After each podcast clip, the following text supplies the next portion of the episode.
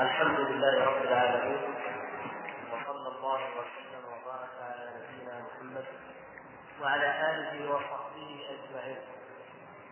أما بعد فتعلمون أيها الإخوة الكرام أننا قد تحدثنا في الحلقة الماضية في شرح الفقرة الثانية والثلاثين وهي قول المؤلف رحمه الله تعالى وسيد المرسلين من باب النبوات والحديث عن النبي صلى الله عليه وسلم. والآن بعون الله تعالى نشرح الفقرة الثالثة والثلاثين وهي قوله وحبيب رب العالمين قوله وحبيب رب العالمين ثبت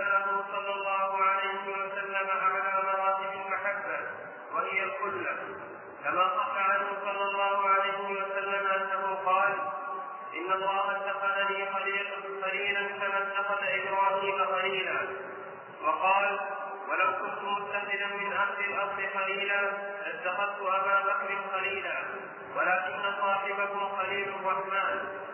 والحديثان في الصحيح وهما يبطلان قول من قال وهما يبطلان قول من قال الخلة لإبراهيم والمحبة لمحمد. فإبراهيم خليل الله ومحمد حبيبه. وفي الصحيح أيضا إن إني أقرأ إلى كل خليل من خلق خلته والمحبة قد ثبتت لغيره. قال تعالى والله يحب المسلمين فإن الله يحب المتقين. إن الله يحب التوابين ويحب المتطهرين. فبطل فبطل قول من خص الخلة بإبراهيم والمحبة بمحمد بل الخلة خاصة بهما والمحبة عامة وحديث ابن عباس وحديث ابن عباس رضي الله عنه والذي رواه الترمذي الذي فيه إن إبراهيم خليل الله ألا وأنا حبيب الله ولا فخر لم يثبت والمحبة مراتب. أولها العلاقة.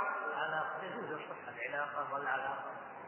أولها العلاقة وهي تعلق القلب بالمحبوب والثانية الإرادة وهي ميل القلب إلى محبوبه وطلبه له. الثالثة الصبابة وهي انصباب القلب إليه لا يملكه صاحبه كانصباب الماء في الحدود الرابعة الغرام وهي الحب اللازم للقلب ومنه الغريب بملازمته ومن إن عذابها كان غراما الخامسة المودة والود وهي صفو المحبة وخالصها ولبها قال تعالى سيجعل لهم الرحمن ودا السادسة الشغف وهي المحبة إلى شغاف القلب السابعة العشق وهي وهو الحب المفرط الذي يخاف على صاحبه منه. ولكن لا يوصف به الرب تعالى ولا العبد في محبة ربه. وإن كان قد أطلقه بعضهم فاختلف في سبب المنع فقيل عدم التوقيف وقيل غير ذلك. ولعل امتناع إطلاقه أن العشق محبة مع شهوة الثامنة السيد وهو بمعنى التعبد التاسعة التعبد العاشرة الخلة وهي المحبة التي تخللت روح المحب وقلبه وقيل في ترتيبها غير ذلك. وهذا الترتيب تقريب حسن لا يعرف حسنة لا يعرف حسنه إلا بالتأمل في معانيه. واعلم أن وصف الله تعالى بالمحبة والخلة هو كما يليق بجلاله بجلال الله تعالى وعظمته صفاته تعالى وإنما يوصف الله تعالى من هذه الأنواع بالإرادة والحب والمحبة والخلة حتى ما ورد النص. وقد اختلف في تحديد المحبة على أقوال نحو ثلاثين قولا. ولا تحد المحبة بحد أوضح منها. فالحدود لا تزيدها إلا خفاء. وهذه الأشياء الواضحة لا تحتاج إلى تأكيد كالماء والهواء والتراب والجوع ونحو ذلك. يقول المؤلف رحمه الله الإمام الطحاوي وحبيب رب العالمين. هذه الجملة معطوفة على الجمل السابقة في وصفه صلى الله عليه وسلم والحديث عنه وحبيب رب العالمين. ويشرحها الإمام الشارح باب العلم رحمه الله تعالى لما سمعته. وموضوع المحبة وعلاقتها بصفات الله سبحانه وتعالى من الموضوعات التي ستأتي إن شاء الله في آخر الكتاب.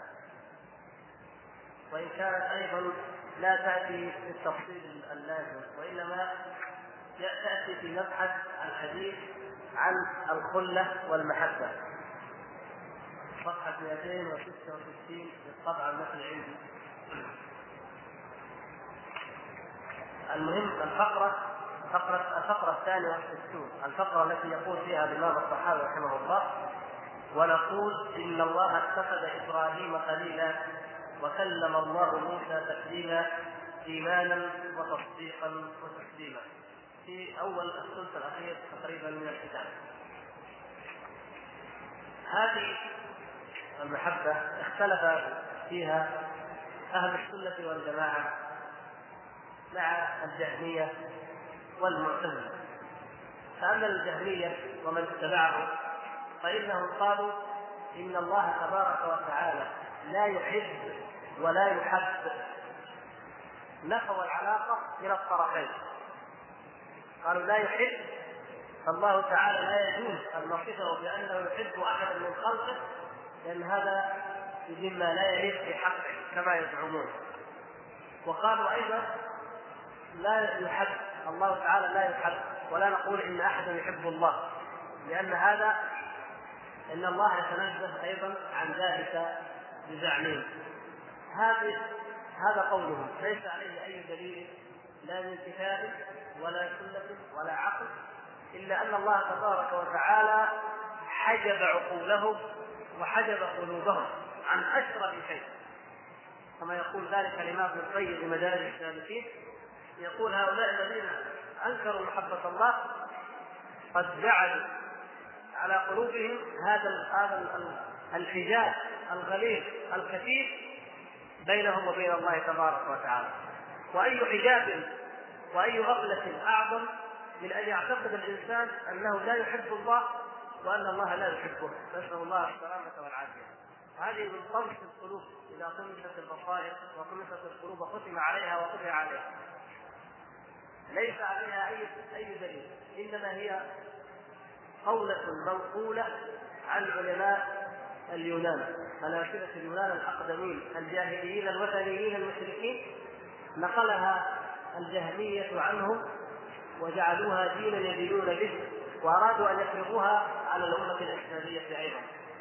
فقالوا إنه يتنزه سبحانه وتعالى يتنزه عن أن يحب أو أن يحب. ورد عليهم أهل السنة والجماعة بما لا يخفى عليكم جميعا من الأدلة. ومنها ما ذكره المؤلف هنا رحمه الله من الآيات والله يحب المحسنين فإن الله يحب المتقين إن الله يحب التوابين ويحب المتطهرين. قل إن كنتم تحبون الله فاتبعوني يحببكم الله.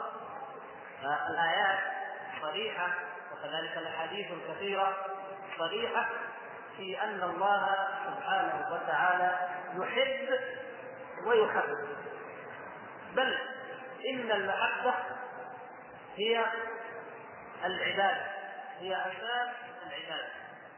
أساس كل عمل كل عبادة. قلبية هي المحبة. كما أن أساس كل عبادة أيضا عملية هو الصدق. المحبة أساس لجميع العبادات كيف ذلك؟ إذا صلى الإنسان وهو لا يحب الصلاة ولا يحب من يصلي له فإن صلاته لا تكون مقبولة إذا زكى إذا حج ولا يحب من زكى له ولا من حج له من حج بيته لا يحبه فهذه هذا الحج غير مقبول. وهكذا لو تأملنا لوجدنا أنه كما قال شيخ الإسلام ابن تيمية في مجموع الفتاوى أن المحبه هي أساس كل عمل باطل، أساس كل عمل باطل من أعمال القلب، أساس الأعمال القلبية هي المحبة، ثم بعد ذلك تتفرع منها بقية الأعمال. ولذلك أي عمل تعمله الجوارح ولا يتكل على المحبة القلبية فإنه مثل ما لو كان يتكل على الصدق. لو أن أحدا صلى وهو غير صادق في صلاته ليس صادقا في الصلاة كاذب يصلي صلاة كذب واستهزاء هل تقبل منه؟ ما تقبل. وكذلك فهو مثل المحبة. ولهذا يقول الله تبارك وتعالى والذين آمنوا أشد حبا لله. ومن الناس من يتخذ من دون الله أندادا يحبونه كحب الله. والذين آمنوا أشد حبا لله. فالمشركون يحبون الله ويحبون أصنامهم سواء. ولكن المؤمنين يحبون الله تبارك وتعالى أكثر من محبة المشركين لله تعالى. ولاصنامهم على القولين المذكورين في الآية. فالمؤمنون أشد حبا لله. والله تبارك وتعالى يحب من يتقرب إليه باتباع النبي صلى الله عليه وسلم وبطاعته. قل إن كنتم تحبون الله فاتبعوني يحببكم الله. وكما جاء في حديث الولي حديث من عادى لي وليا فقد بارزته بالمحاربه وفقد آذنته بالحرب وما تقرب إلي عبدي بشيء أحب إلي مما افترضته عليه وما يزال عبدي يتقرب إلي بالنوافل حتى أحبه. حتى أحبه. فإذا أحببته كنت سمعه الذي يسمع به وبصره الذي يبصر به ويده التي يبطش بها ورجله التي يمشي عليها إلى آخر الحديث. فهذا الحديث أيضا من الأدلة على أن الله سبحانه وتعالى يحب وأن محبته تبارك وتعالى درجة عالية يحظى بها الإنسان بالاجتهاد في طاعة الله والاجتهاد في اتباع رسول الله صلى الله عليه وسلم. هذا ما يتعلق بإثبات صفة المحبة. لكن المؤلف رحمه الله هنا الإمام الطحاوي قال وحبيب رب العالمين قالها في وصف النبي صلى الله عليه وسلم. فهل النبي صلى الله عليه وسلم هو حبيب رب العالمين؟ هل هل هذا معناه أنه هو وحده حبيب رب العالمين؟ أو هل هذا معناه أن صفة المحبة أكمل من غيرها حتى تقام النبي صلى الله عليه وسلم؟ الواقع أن محبة الله سبحانه وتعالى يشترك فيها المؤمنون جميعا وإن كان للنبي صلى الله عليه وسلم الحظ الأوفر من محبة الله تبارك وتعالى أي محبة الله له وللمؤمنين اذا القضية ليست من هذا الاختصاص طيب هل المحبة أعلى من الخلة؟ حتى نقول هذه الصفة أكمل. ولذلك اختارها الإمام الصحابي لأنها أكمل وأعلى. إذا كان ذلك يريده الإمام الصحاوي فإن هذا القول مرجوح. يعني ليست المحبة هي أعظم الصفات في بابها. حتى نقول إن الرسول صلى الله عليه وسلم هو حبيب الله أو حبيب رب العالمين. بل أعظم صفة في هذا الباب أن نقول هو خليل الله وهو خليل الرحمن. فقولنا إن محمدا صلى الله عليه وسلم خليل الله أو خليل الرحمن أعلى وأفضل من قولنا حبيب الله أو حبيب الرحمن. وهذا دل عليه الشارع رحمه الله تعالى.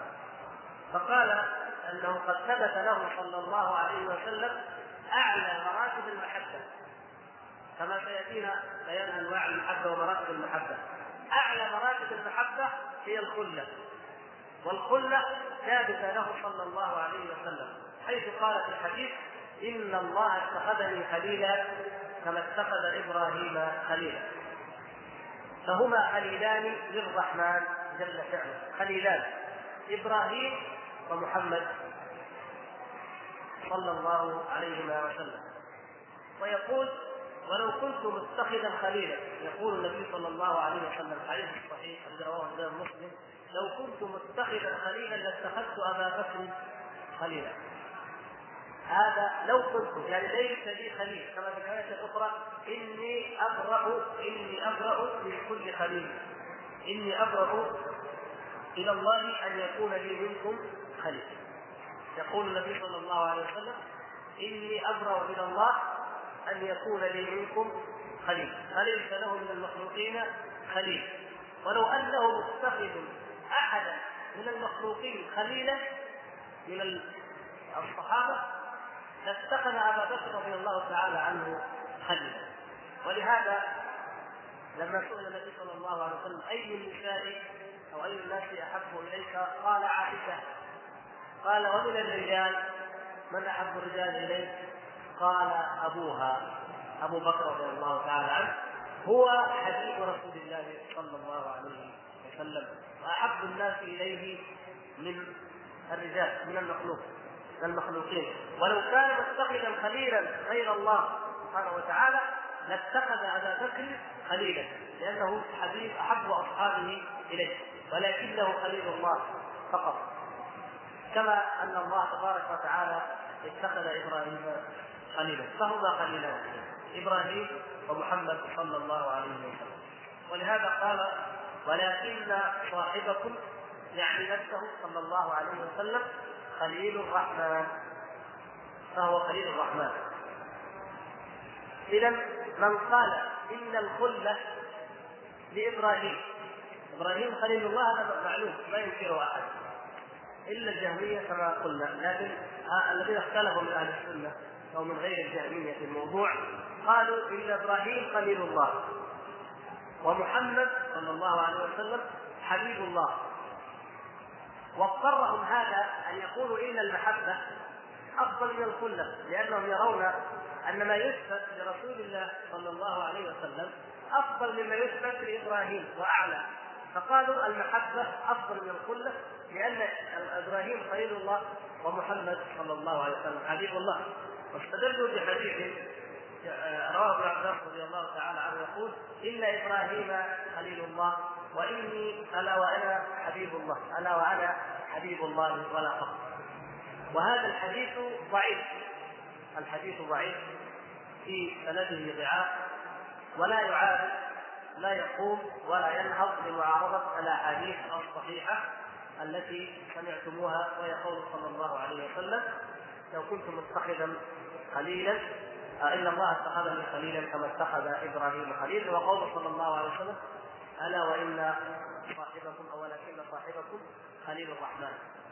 فهذا الحديث الضعيف لا يقال ذلك فهو ضعيف لا يثبت به حجة. وهذا القول قاله بعض الصوفية.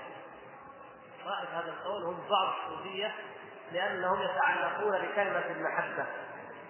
وتذكرون ما مر معنا في الحلقة الماضية وهي القول بأن من عبد الله بالحب وحده فهو زنديق ومن عبد الله بالخوف وحده فهو حروري أي خارجي ومن عبد الله بالرجاء وحده فهو مرجئ ومن عبد الله تعالى بالخوف والحب والرجاء فهو المؤمن الموحد. فالخوارج يعبدون الله بالخوف وحده. رهبانية وعبادة مطلقة. المرجئة يعبدون الله تعالى بالرجاء وحده. الصوفية يعبدون الله تعالى بالمحبة وحدها كما يزعمون. ولهذا يستحلون كثيرا من المحرمات ويتركون الواجبات إلى حد أن بعضهم يترك جميع التعبدات ويقول إن الحبيب لا يعذب حبيبه لأنه يقول أنا قلبي متعلق بالله ومشغول بمحبة الله. وإذا أشغلتني محبته عن عبادته وعن الصلاة له فإنه لن يؤاخذني. لأنه يعلم أنه ما أشغلني عن طاعته وعن صلاته إلا محبتي له فلن يؤاخذني على شيء من ذلك. هكذا يزعمون وهذه من الزندقة. من الزندقة. ولذلك قال العلماء هذه المقالة ومن عبد الله بالحب وحده فهو زنجير وهكذا كان حاله إذا يبطل القول بأن الخلة خاصة بإبراهيم عليه السلام وأن المحبة خاصة بمحمد صلى الله عليه وسلم. لا سيما وقد عرفنا أن الله تعالى يحب المتقين ويحب التوابين ويحب المتطهرين ويحب المحسنين وغير غير ذلك مما جاء في كتاب الله وبسنة رسول الله صلى الله عليه وسلم. فليست المحبة خاصة بالنبي صلى الله عليه وسلم بل يدخل معه فيها كل من عمل عملا صالحا يرضاه الله سبحانه وتعالى ويحبه. فهذا القول اذا باطل مردود على أصحابه. والمراتب مراتب المحبة التي ذكرها الشارع رحمه الله. ذكرها ليبين لنا أن الخلة هي أعظم أنواع هي أعلى مراتب المحبة. والمحبة مراتبها كثيرة. ولكل فيها وجهة نظر في ترتيبها وفي تقسيمها بعض العلماء يرى أن هذه الدرجات من قبيل المترادفات. الشعراء العرب عندما يذكرون الحب أو العلم أو الصبابة أو الخلة أو التشيع يذكرونها على أنها مترادفات. يعني حسب ما تأتي فيه العبارة أحيانا يعطف بعضها على بعض. ما تقتضي ضرورة الشعر البيت الشعري فيقول أنه يحبه أو متيم فيه أو صب به إلى آخره. لكن بعض العلماء حاول يتلمس فروق بين هذه الأنواع ويجعلها درجات.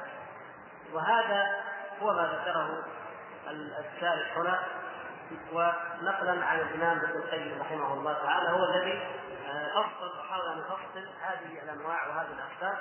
واشار إلى ذلك أيضا شيخ الإسلام ابن تيمية رحمه الله. وهي أن أول مراتب المحبة هي العلاقة. تعلق أو العلاقة وجود علاقة بين الطرفين. وهذه تكون محبة درجه الدنيا في المحبة. وقد وردت في شعر العرب كما يقول الأعشى علقتها عرضا وعلقت رجلا غيري وعلق أخرى ذلك الرجل. يعني هو أحب المرأة والمرأة أحبت غيره وهذا الغير أحب امرأة أخرى. فعلق وتعلق بمعنى إيش؟ بمعنى أحبت بمعنى أحبت. علقتها أي حببت إلي واحببتها حببت فيها. وعلقت رجلا غيري وهي تعلقت برجل آخر. وعلق أخرى ذلك الرجل والرجل تعلق بامرأة أخرى أي أحب تلك المرأة. الأخرى. والثانية الإرادة. والإرادة هي ميل القلب. ميل القلب إلى المحبوب وطلبه له. المرتبة الثانية هي الإرادة. أن يريده ويميل إليه ويتطلبه. فهذا هذه مرتبة ثانية من مراتب المحبة. العلاقة لم ترد في صفات الله سبحانه وتعالى. يعني لا نقول إن لا يجوز لأحد أن يقول تعلقت الله ولا يقول ان الله تعلق. لاحظتم؟ الدرجة الثانية وهي الإرادة وردت. الإرادة بمعنى المحبة. فالله سبحانه وتعالى يقول مثلا ذلك يريدون وجهه فاصبر نفسك مع الذين يدعون ربهم في الغداة والعشي يريدون وجهه فجاءت الإرادة في حق الله سبحانه وتعالى وأنه سبحانه وتعالى هو أعظم مراد. أعظم مراد هو الله سبحانه وتعالى. ولهذا كان أي عمل خالص لوجه الله فإنه يقال أنه يراد به وجه الله. الذين يريدون وجهه ذلك خير للذين يريدون وجه الله. أي يحبونه ويطلبونه فهو مرادهم ومتمناهم وطلبهم وغايتهم. فأعظم غاية وأعظم مراد وأعظم مطلوب هو وجه الله تبارك وتعالى. هو الله تبارك وتعالى. وكذلك إن الله سبحانه وتعالى إذا قلنا إن الله يريد منا الصلاة أو يريد منا الصيام أو يريد كذا فمعنى ذلك أن الله سبحانه وتعالى يحبه ويطلبه منا كما ورد ذلك فيما سبق في أقسام الاراده. الثالثة الصبابة. النوع الثالث كلمة الصبابة. وهذه أيضا جاءت في أشعار العرب. العرب كانوا يسمون المحب صبا فيقال فلان صب أي محب عاشق دلق متيم إلى آخر هذه الأوصاف. لأن مشتقا من اسم انسداد القلب وتوجهه وميله فكأن كأن صاحبه لا يملكه وإنما هو يصب مثل انسداد الماء في المنحدر فلا يملكه صاحبه. والدرجة هذه أيضا الصفات لا تطلق على الله عز وجل لا منه ولا إليه سبحانه وتعالى. الدرجة الرابعة الغرام. الغرام. والغرام معناه الحب الملازم للقلب كملازمة الغريم للغريم إذا قلنا فلان غريم فلان يعني خصبه الملازم له الذي لا يدعه ولا يفكه ولا لذلك قال الله سبحانه وتعالى في سورة الفرقان حديث عن جهنم. قال والذين يقولون ربنا اصرف عنا عذاب جهنم إن عذابها كان غراما. أي ملازما دائما نسأل الله العفو والعافية. وهذه أيضا الغرام لا يوصف الله سبحانه وتعالى بالغرام ولا يوصف توصف محبة الله سبحانه وتعالى بالغرام يجب ان تلاحظوا ايها الإخوة أن هذه الكلمات جميعا يستخدمها الصوفية. الغرام والعشق والصبابه والسلف والعلاقة التعلق كل هذه الكلمات يستخدمونها في حق الله سبحانه وتعالى. ولذلك يأتون إلى قصيدة قالها أحد الشعراء في حبيبته أو في معشوقته الفلسفيه امرأة عشق رجل امرأة. فقال فيها أبياتا فيأخذونها هم ويجعلونها بحق الله سبحانه وتعالى كما هي كما هي تماما. مثل البيت الذي كانوا يرددونه دائما وينسبونه إلى السدي يقول إن بيتا أنت ساكنه غير محتاج إلى السرج وجهك المأمول حجتنا يوم يأتي الناس بالحجج. هذه أصلها قصيدة قالها أحد الشعراء في محبوبته يقول إنه هي البيت الذي فيه لا تحتاج إلى فراش وأن وجهها حجته يوم يأتي الناس بالحجج. يعني إذا ساله الله لماذا أنت ضيعت من الفرائض وضيعت الطاعات أي ما هي حجتك في في دنياك؟ فيقول هذه هي الحجة. هم وجدوا انه انسب المعنى أن يكون وجه الله هو الحجة يوم يأتي الناس بالحجج. يعني فعلا من حيث المناسبه الشاعر بالغ حين جعل وجه محبوبته هو الوجه المأمون وهو الحجة. لكن هم جاءوا بها وكفى هي وجعلوها في حق الله سبحانه وتعالى. ومع البيت الأول إن بيتا أنت ساكنه غير محتاج إلى السرج فماذا يستفاد عن ذلك؟ اعتقاد أنه تبارك وتعالى يحل في البيوت يحل كما يحل غيره. تعالى الله عن ذلك. علوا كبيرا فهم يقولون هذا البيت وأمثاله. إن جاء أحد من أهل السنة قال لماذا تطلقون هذا على الله؟ قال لا أنا ما أنا ما أعتقد هذا، أنا ما قصدت الحلول، أنا استشهدت بيت من كلام العرب قلت ما أقصد شيء من هذا. بينما التلاميذ والمريدين وهم لما يقولونه تقع في قلوبهم هذه المعاني وتتثبت. وهو أنه سبحانه وتعالى يحل حيثما كانوا موجودين وأمثال ذلك. أمثلة كثيرة فكانوا يأتون إلى رقص الأشعار مثل أشعار مهيار الدين مثلا. مثل أشعار عمر بن أبي ربيعة. ومثل أشعار آه، أحد الشعراء العباسيين المشهورين نسيت اسمه الآن.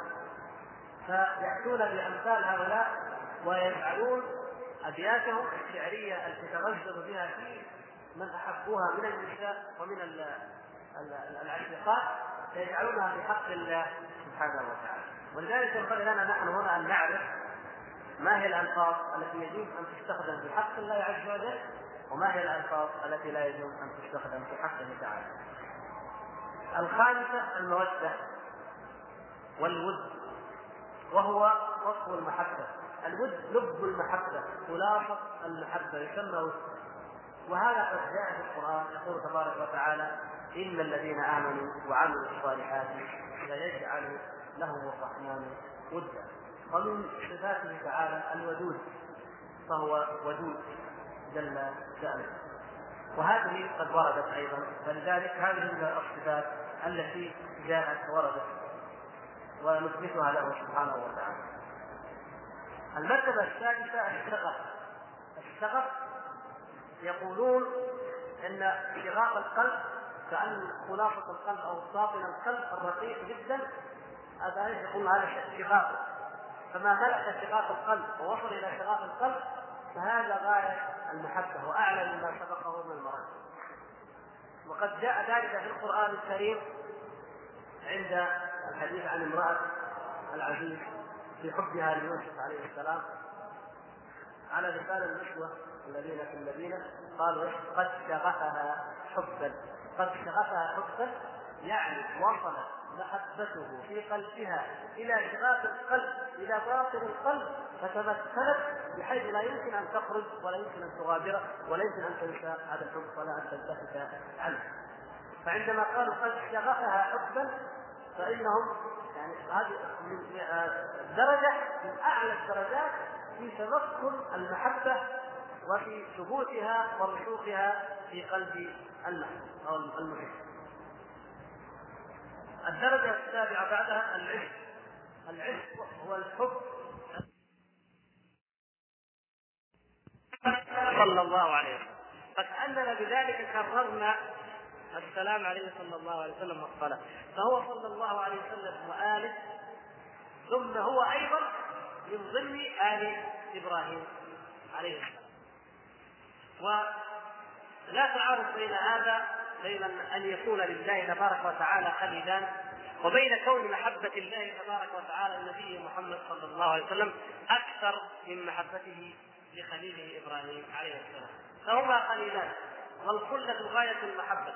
وهذه الغاية يجوز فيها التفاضل بأن يكون أحد الخليلين أفضل أكثر محبة من الآخر. فمحمد صلى الله عليه وسلم أكثر العالمين محبة يحبه الله سبحانه وتعالى أكثر العالمين. فلا تعارض بين الأمرين.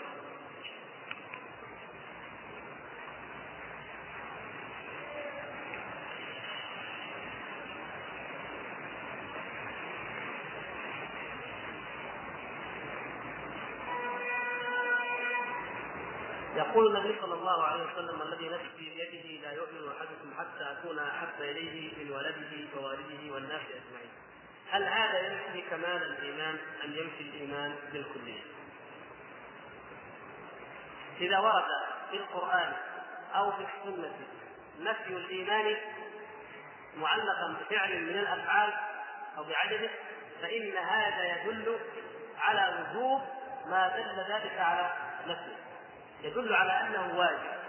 يعني إذا قال لا يؤمن أحدكم حتى أكون أحب إليه من ولده ووالده والناس أجمعين فمعنى ذلك أن محبتي واجبة عليه فلا وربك لا يؤمنون حتى يحكموك فيما شجر بينهم معناه أن محبة أن تحكيم النبي صلى الله عليه وسلم واجب علينا. لا يزني الزاني حين يزني وهو مؤمن معناه أن ترك الزنا واجب على الإنسان. لاحظتم؟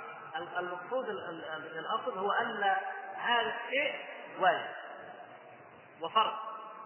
لكن هل وقوع يعني هل هذا النفي على الإطلاق يكون نفيا لكمال الإيمان أو نفيا لحقيقة الإيمان للكليه أو مجرد نفي؟ يعني هل هو للكمال بحيث ينقص؟ فيبقى عنده أصل الإيمان أو الإسلام. أو هو نفي له بالكليه بعد أنه يخرج من الملة. هذه القضية تختلف. القضية تختلف. فمعنى هذا الحديث إن محبة النبي صلى الله عليه وسلم واجبة علينا وفرض وحتم هذا هو المراد من هذا الحديث. لكن هل يجب أن تكون محبة النبي صلى الله عليه وسلم أن يحبه الإنسان أكثر من والده ووالده ومن نفسه كما جاء إلى ركعه الآخر والناس أجمعين. وإلا كان كافرا خارجا من المله لا إيمان له مطلقا. ليس هذا هو المطلوب. بدليل ما جاء في حديث عمر رضي الله تعالى عنه. قال يا رسول الله والله إني لأحبك أكثر من كل شيء إلا نفسي. يقول عمر رضي الله تعالى عنه أنه يحب النبي صلى الله عليه وسلم أكثر من كل شيء. إلا من فقال له النبي صلى الله عليه وسلم لا يا عمر لا حتى تكون حتى أكون أحب إليك من نفسك. قال الان قال فوالله يا رسول الله إنك أحب إلي من نفسك. ما دام هذا واجب إذا فانت أحب إلي من نفسك. فقال له رسول الله صلى الله عليه وسلم الآن يا عمر. ما معنى الآن؟ الآن دخلت في الإسلام؟ لا. يعني الآن اكتمل إيمانك. الآن اكتمل ايمانك ولو قلنا إن الرسول صلى الله عليه وسلم يريد بهذا الحديث أن من لم يحبه أكثر من نفسه وولده والناس أجمعين لا يكون مؤمنا قط لما كان على وجه الأرض مؤمن إلا من رحم الله والله أعلم كم يكونون.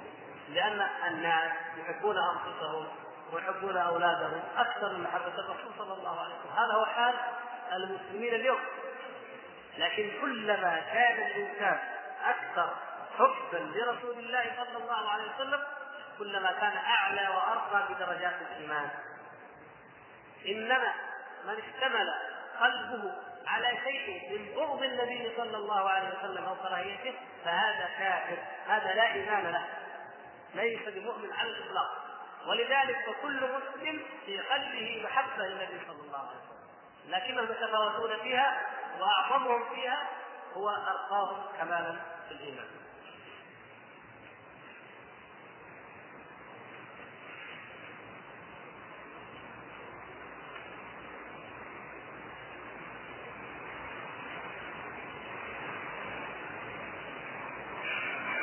هذا الأخ مستعجل جدا. يقول يرجو الاجابه العاجله على السؤال إنه وإن كان ليس في العقيدة فنستسمحكم يقول والدي مريض بالكلى ويحتاج إلى كلية. هل يجوز لي التبرع بإحدى كليتي له. جزاكم الله خيرا. هذه صدرت فيها فتوى من هيئة كبار العلماء. منشورة في مجلة البحوث العلمية. آه، إما العدد الرابع عشر أو الخامس عشر أحد العددين. وعلى كل حال يجوز لك إن شاء الله تعالى. ولا لا حرج عليك في ذلك. وهذا السؤال حقيقه مكرر من من عدة عدة مرات يأتي ونؤخره فلا مؤاخذة. يقول الأخ هل يجوز أن يسمى شخص باسم أعظم؟ أن الإنسان يسميه أعظم؟ هذا ما في شيء يعني إخواننا في الهند وباكستان هذا عندهم كثير جدا. لا يعني لا في شيء يسمى إنسان أعظم. المهم أنه لا يخطر في بال الإنسان أنه أعظم بمعنى أنه أعظم من كل شيء أو أعظم من الله عز وجل.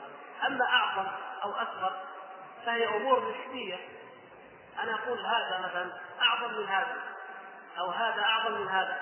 فلا يعني ذلك أن هذا أعظم شيء في الدنيا.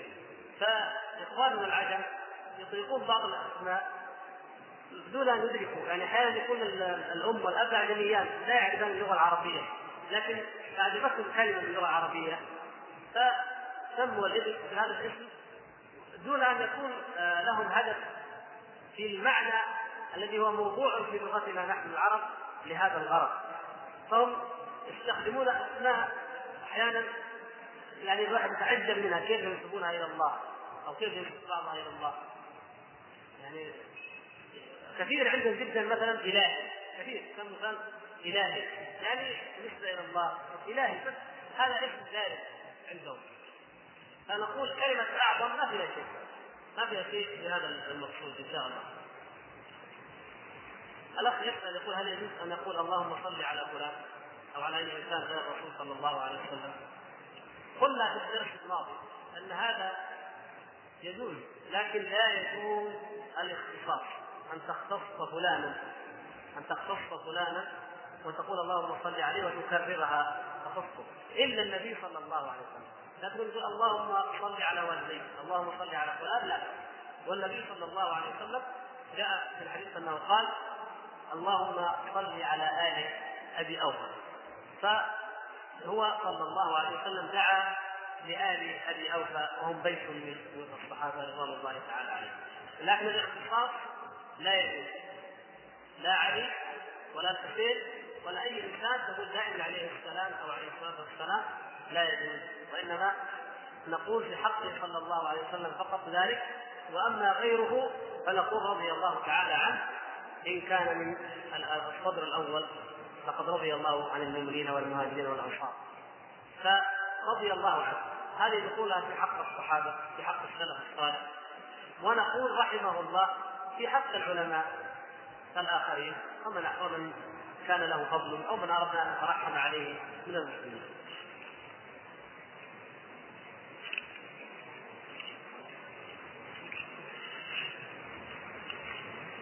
هذا سؤال خطير حقيقة وإن كان قد مر علينا مرات لكن يقول هناك من إذا سألته أين الله إجاب الله حيث شاء أو الله حيث يليق بجلاله هل هذا الجواب من التفويض الذي يخالف منهج السلف؟ قبل ما نجاوب على أو نبين موقف المسؤول الأخ السائل لا ينبغي يا إخوان لا ينبغي الامتحان. لأن نجعل من شأننا أن نمتحن أحدا لنعرف هل يعتقد هذا أو يعتقد هذا بأن يكون هذا شأن لنا أن نمتحن الناس نعرف حقائقهم. بل نحرص على أن يكون همنا هو التعليم. نقول للناس مثلا إن الله سبحانه وتعالى فوق السماوات فوق العالمين. استوى مستوى على العرش ونقرا عليهم الآيات. الرحمن على العرش استوى وهم يعتقدون ذلك. وكل مخلوق خلقه الله سبحانه وتعالى ولديه عقل فهو في فطرته أنه تبارك وتعالى في جهه العلو فوق المخلوقات. هذه عقيدة فطرية. لا يحتاج فيها إلى نقل ولا إلى عقل إلى تفكير. لأنها مفطوره في النفس مثل ما أن الإنسان يخلق ولديه قلب ينبض أو مخ يفكر فيخلق ولديه اعتقاد أن الله تعالى فوق المخلوقات. هذه قضية فطرية بديهيه ولا ينكرها أحد. حتى الملحدون الذين ينكرون وجود الله إذا أرادوا أن يحكموا تعالى الله عن ذلك علوا كبيرا يقول الذي في السماء لم يفعل كذا ولم يعطينا كذا ولم يفعل فينا كذا. هم لا يؤمنون بوجوده لكن يعني على افتراض إنه موجود وانه يكون في السماء. طيب تقول والنبي صلى الله عليه وسلم سأل الجارية نعم لأن هذه القضية بديهية من بديهيات العقيدة ويؤلمنا جدا أن كثيرا من الناس اليوم لا يؤمنون حتى ببديهيات العقيدة. النبي صلى الله عليه وسلم لما جاءه معاوية بن الحكم السلمي وقال له يا رسول الله إنه كان لي جارية. ترعى الغنم. من ضمن الاسئله التي قالها له ترعى الغنم. فجاء الذئب فأخذ منها شاة وأنا امرؤ أنا إنسان يعني أكره ما يكره الناس. ففككتها فكا.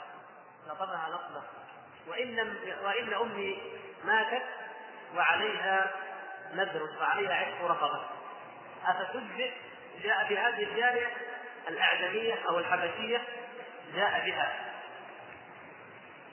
وقال يا رسول الله هذه تجزئ أم لا؟ أو قال النبي صلى الله عليه وسلم بها. جاءت إلى النبي صلى الله عليه وسلم. النبي صلى الله عليه وسلم يريد أن يختبرها ليرى هل هي مؤمنة أم لا. لأن العتق كما تعلمون من نظر أن يعتق مؤمنا أو حتى أن يعتق مطلقا فإنه يجب عليه أن يفي بالنذر بان يعتق رقبة مؤمنة. فيريد النبي صلى الله عليه وسلم أن يتأكد هل هذه الجاريه مؤمنة أو لا لأنها أعجمية وفي الخلاء ترعى الغنام وكان كما تعلمون في المدينة كان المشركون وكان أهل الكتاب فلا يدري هل هي مؤمنة أم لا؟ هل تجزي أم لا؟ فلما رآها قال لها النبي صلى الله عليه وسلم أين الله؟ قالت في السماء وفي رواية أشارت إلى قال من أنا؟ قالت رسول الله قال أعتقها اعتقها. وفي رواية اعتقها فإنها مؤمنة. على كلا الروايتين المعنى ثابت يعني إنها مجزئة. المعنى إنها مجزئة. لأنها تعتقد أن الله في السماء وتعتقد أن محمد رسول الله. يعني عندها بديهيات العقيدة. عندها الحد الأدنى الذي إذا اعتقده الإنسان فإنه دليل على إيمانه. في الحكم الظاهر في ظاهر الأحوال. وأما حقائق القلوب فهي عند الله. لاحظتم يا أخوان يعني لو كان الواحد منا ما يعتق رقبة إلا من كان يعلم في قلب في قلبها الإيمان كيف نطلع على القلوب؟ ما نستطيع. لكن في الحكم الظاهر مع مثل الظاهرة شوف واحد يصلي في المسجد هذا مسلم اجر مسلم. شفنا واحد قال أنا مؤمن. مؤمن نعتبر حتى يتبين لنا إنه مثلا يكذب وكان يهودي أو كذاب أو كان شيء آخر لكن هذا الأحكام الظاهرة تبنى على الدلائل الظاهرة فاذا نأخذ من هذا أن من من كان يجهل من بدهيات العقيدة ما تعرفه الجارية السوداء الأعجمية الراعية فما الذي عنده؟ ما الذي عنده من بدهيات العقيدة؟ إذا كان هذه البدهيات البسيطة التي تعرف تعرفها راعية غنم أعجمية لا تدرك ولم تتعلم شيئا من الدين. الذي يقول الله حيث شاء الله كما يليق بجلاله يقول الله قد أخبرنا سبحانه وتعالى انه أنه على العكس استوى وقد أخبرنا في القرآن أنه في العلوم في القرآن وفي السنة وبالعقل والفطرة الأدلة على العلو متواترة متواترة من كتاب الله ومن سنة رسول الله حتى أنه أصبح قضية مسلمة بدنيه لا نقاش فيها على الإطلاق. فهذا الذي لا يدري أين ربه. كيف يصلي؟ الذي لا يدري أين ربه. كيف يصلي؟ كيف يعرف من لا يدري أين هو؟ كيف يقول في السجود؟ سبحان ربي الأعلى. وهو يقول في كل مكان. محتمل انه يكون يسجد. ويقول سبحان ربي الأعلى. وربه تحته والعياذ بالله. هذا محتمل. ومع الأسف أن هذه القضية على وضوحها ولكن علم الكلام والمتكلمين والمبتدعين لبسوا بها على الخلق حتى جعلوها محل شك. بينما هي ليست محل شك. لا عند اليهود ولا عند النصارى ولا عند البوذيين ولا عند المجوس ولا عند الملحدين حتى ولا أي أمة من الأمم تعتقد أن الله سبحانه وتعالى ممكن أن يكون إلا في جهة العلو عال على المخلوقات وكل شبهة يوجدها المتكلمون على هذه القضية مردودة عليه وقد كتب بذلك العلماء الكتب المعروفة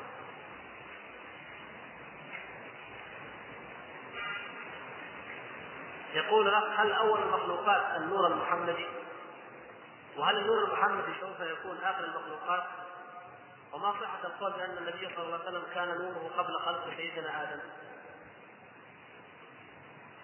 الاعتقاد بأن أول المخلوقات هو نور النبي محمد صلى الله عليه وسلم وأنه خلقه قبل المخلوقات وأنه آخرها. هذا يا إخوان هذه عقيدة كان يعتقدها المجوس الزرادشتية كانوا يعتقدون هذه العقيدة ويثبتونها لزرادشت نبيهم وقد سبق ما أن تحدثنا عن هؤلاء المجوس وأنهم يقولون أن العالم مركب من عنصرين أو من إلهين إله النور وإله الظلمة.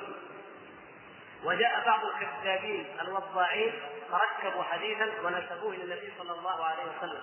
حديث جابر المعروف. المسمى بحديث جابر. وقالوا إن النبي صلى الله عليه وسلم قال يا جابر أتدري ماذا أول ما, ما خلق الله يا جابر؟ قال لا. قال أول ما خلق الله نور نور نبيك أو نور نبيك. لا نور نبيك محمد صلى الله عليه وسلم. هذا من الكذب.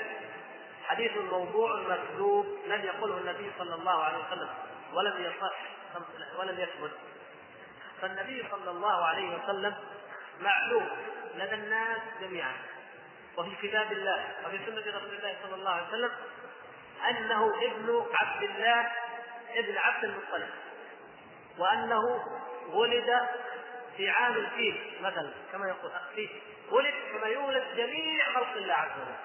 ولم يكن قبل ذلك موجودا ولم يكن مولودا. لا على شكل نور ولا على أي شكل آخر.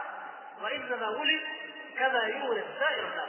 قل إنما أنا بشر مثلكم يوحى إلي ميزته الوحي. أما بشريته صلى الله عليه وسلم فهو مثل سائر الناس. إنما أنا ابن امرأة من قريش تأكل القديم كما قال. صلى الله عليه وسلم. ولد ولاده بشريه طبيعيه لا كما يقول النصارى في عيسى ولا كما يقول المجوس في زرادشت ولا كما يقول البوذيون في بوذا. هذه آه، اعتقادات باطلة. قالها الكفار وقالها الملاحدة. الذين لا يعلمون من قبل ويتبعهم في هذه الأمة من يتبعهم.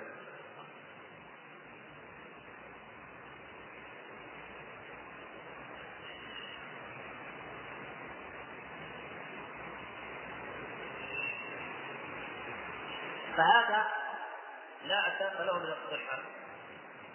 وإن قال به من قال والصوفية يعتقدون ذلك وينسبونه إلى عبد القادر الجيلاني وإلى فلان وإلى من شاء من الناس وأنهم كانوا يعتقدون ويسمون ذلك النور المحمدي أو الحقيقة المحمدية. هذه كلها من الضلالات.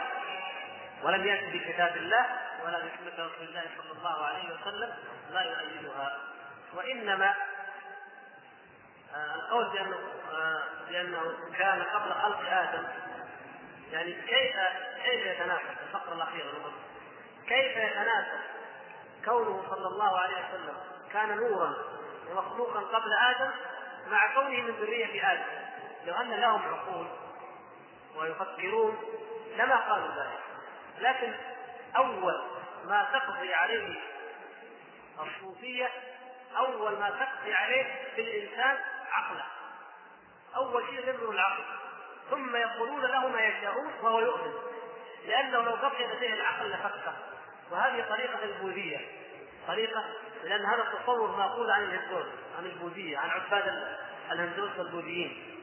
فهم يقولون إن الكشف والتزكيه والتصفيه تكون بالعفاء بالتعذيب فالعابد من عباد ومن رهبان البوذيين والهندوس يتعذب في الغابات ويتعبد فيها ويمشي ويهيب ولا ياخذ زادا ولا ماء ولا يختلط بالناس حتى يختل عقله تماما. ويعمل رياضات منها رياضة اليوغا وما أشبهها يعملها حتى يختل عقله تماما. فحينئذ تأتيه الخيالات وتأتيه الأوهام وتأتيه فأي واحد يكون له أي شيء يصدق ويعتقد ما يقول لأن عقله قد ذهب. لم يعد إنسانا حتى إن بعضهم يخالط الوحوش يخالط الوحوش والفئات ويتآلف هو إياها. لم يعد بشرا في الحقيقة. وهكذا جاء هؤلاء الصوفية بالخلوات بنظام التعبد الشديد وبالأحوال الأحوال والمكاشفات حتى اوقعوا الناس في هذه الأمور ثم أخذوا يتكلمون بأنه نور وأن الحقيقة المحمدية والحفر عن المحمدية والنور المحمدي وامثال ذلك مما لا دليل عليه في كتاب الله ولا سنة رسول الله صلى الله عليه وسلم.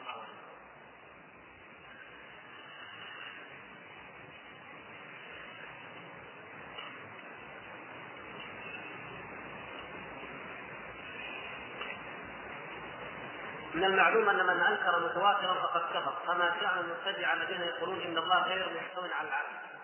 هؤلاء قد يكفرون وقد لا يكفرون. من أنكر الاستواء تكليفا لهذه الآية فهو كافر. وأما من أنكره بتعللات وبتأولات وقال ننزه الله عن المكان والاستواء معناه الاستيلاء وذلك جاء في كلام العرب وما أشبه ذلك من التعللات هذا لا يخرج من الملة لا يكفر. نحن يعني لا نكفره وإن كان قد يكون كافرا في الباطن والحقيقة لكن لا نكفره وإنما نقول له على ضلال وعلى بدعة. فالفرق هو من من كان كفره من كان تكذيبه أو من كان نفيه على سبيل الرد وعلى سبيل التكذيب وعدم القبول هذا يكفر. وأما من قال أنا أقبل هذه الآية ولا أردها لكن أؤولها افهمها على مفاهيم أخرى أو كذا هذه هذه التعللات أو هذه التاولات تجعله لا يكفر لا نكفره وإن كان قد يكون كافرا في الباطن هذا هو الفرق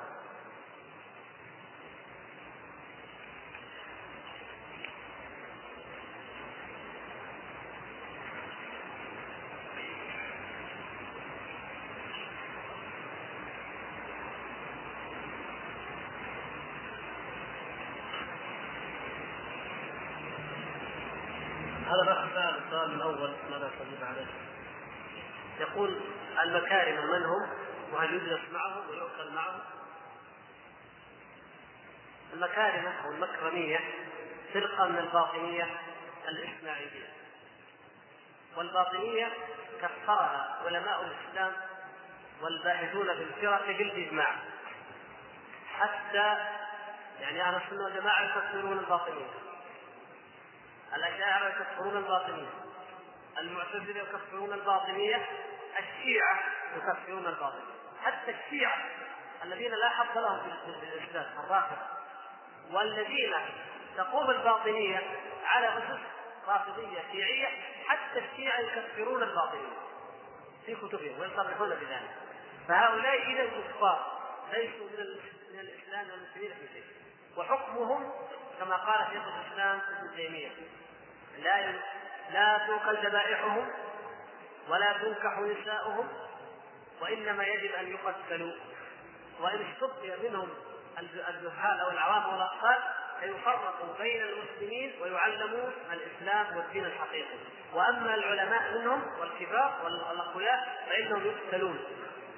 واختلف العلماء هل تقبل لهم توبة أو يقتلون ولا تقبل لهم أيضا توبة. فلا يجوز أن يصلى خلفهم.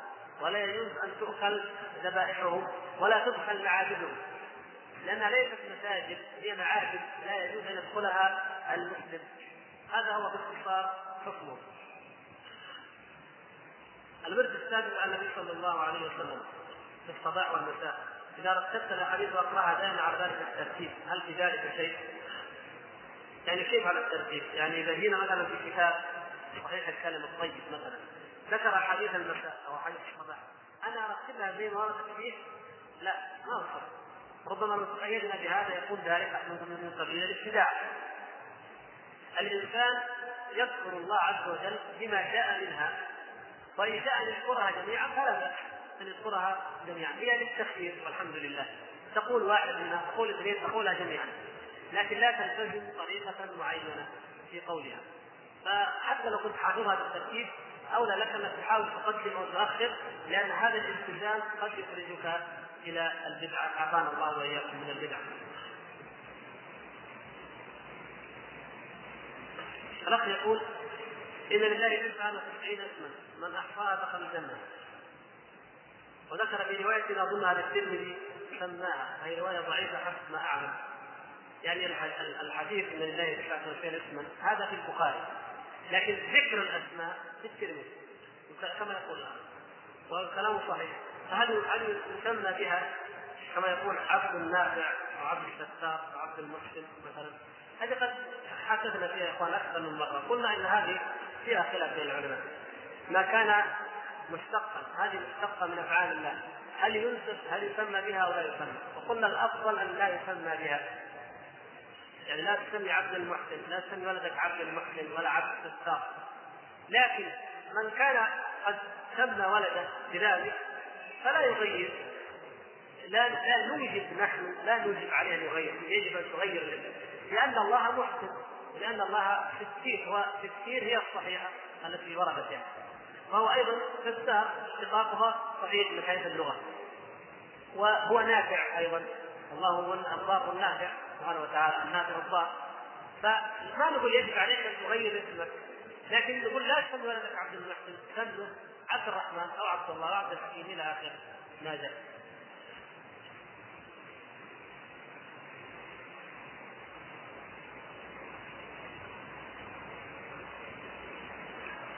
المهم بعض الكلام لا يبسط الاخ لكن يقول آه أنه لا يقال في حق الله أين كان ولا كيف كان كون الأحوال ودبر الزمان ولا يتقيد بالزمان ولا يختص بالمكان. فكيف نحدد بأن الله في السماء إذا قلنا هذا القول؟ المكان تحديد المكان للأجرام والله غير ذلك بدون. هذا كلام عن البدع على كل حال. هذا كلام أهل البدع. يقولون كان الله ولا مكان وهو الآن على ما عليه كان. أو يقولون ننزهه سبحانه وتعالى عن الزمان والمكان والحدود والأبعاد والأركان. إلى آخر كلام ما جاء في كتاب الله ولا جاء في سنة رسول الله صلى الله عليه وسلم. ونحن ننزه الله بما نزه به نفسه وبما نزه به رسوله صلى الله عليه وسلم. إيش معنى نقول لا نثبت لله مكان؟ لأن المكان خاص بالأجرام أو بالاجسام ولا بد للمكان من بعد من أبعاد طول وعرض وارتفاع. وعمق وكذا وكذا. فلا نثبتها لله سبحان الله تعالى الله عن ذلك علوا كبيرا. نؤمن بما جاء في كتاب الله وما جاء من سنة رسول الله ونصفه بما ورد ونقف عند هذا الحد فمن أراد أن ينفي المكان عن الله أنه لا يحوطه شيء أو لا يحده شيء نقول له المعنى صحيح معناه صحيح. لكن استعمل اللفظة الشرعية الواردة وإن كان يقصد أنه لا مكان يعني ليس فوق السماوات ولم يستوي على العرش فنقول هذا هذا خطير جدا هذا كلام خطير. هذا قد يؤدي إلى الكفر فعليك أن تؤمن بأن الله مستوي على العرش وأنه فوق المخلوقات سبحانه وتعالى. فحتى على المعنى الحسن الذي قد يريده بعض الناس وهو معنى حسن حتى على هذا ما نقره. نقول نزه الله سبحانه وتعالى بما ورد في كتابه وفي سنة رسوله صلى الله عليه وسلم حتى يكون لفظكم حق ومعناكم حق. فأنتم المعنى حق ولكن اللفظ غير حق.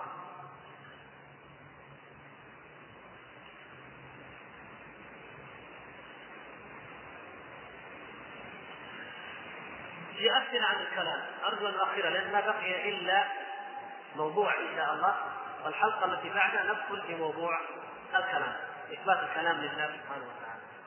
اليوم نحاول نتكلم عن المحبة وما يتعلق بها ما أمكن أيضا عن الأذكار.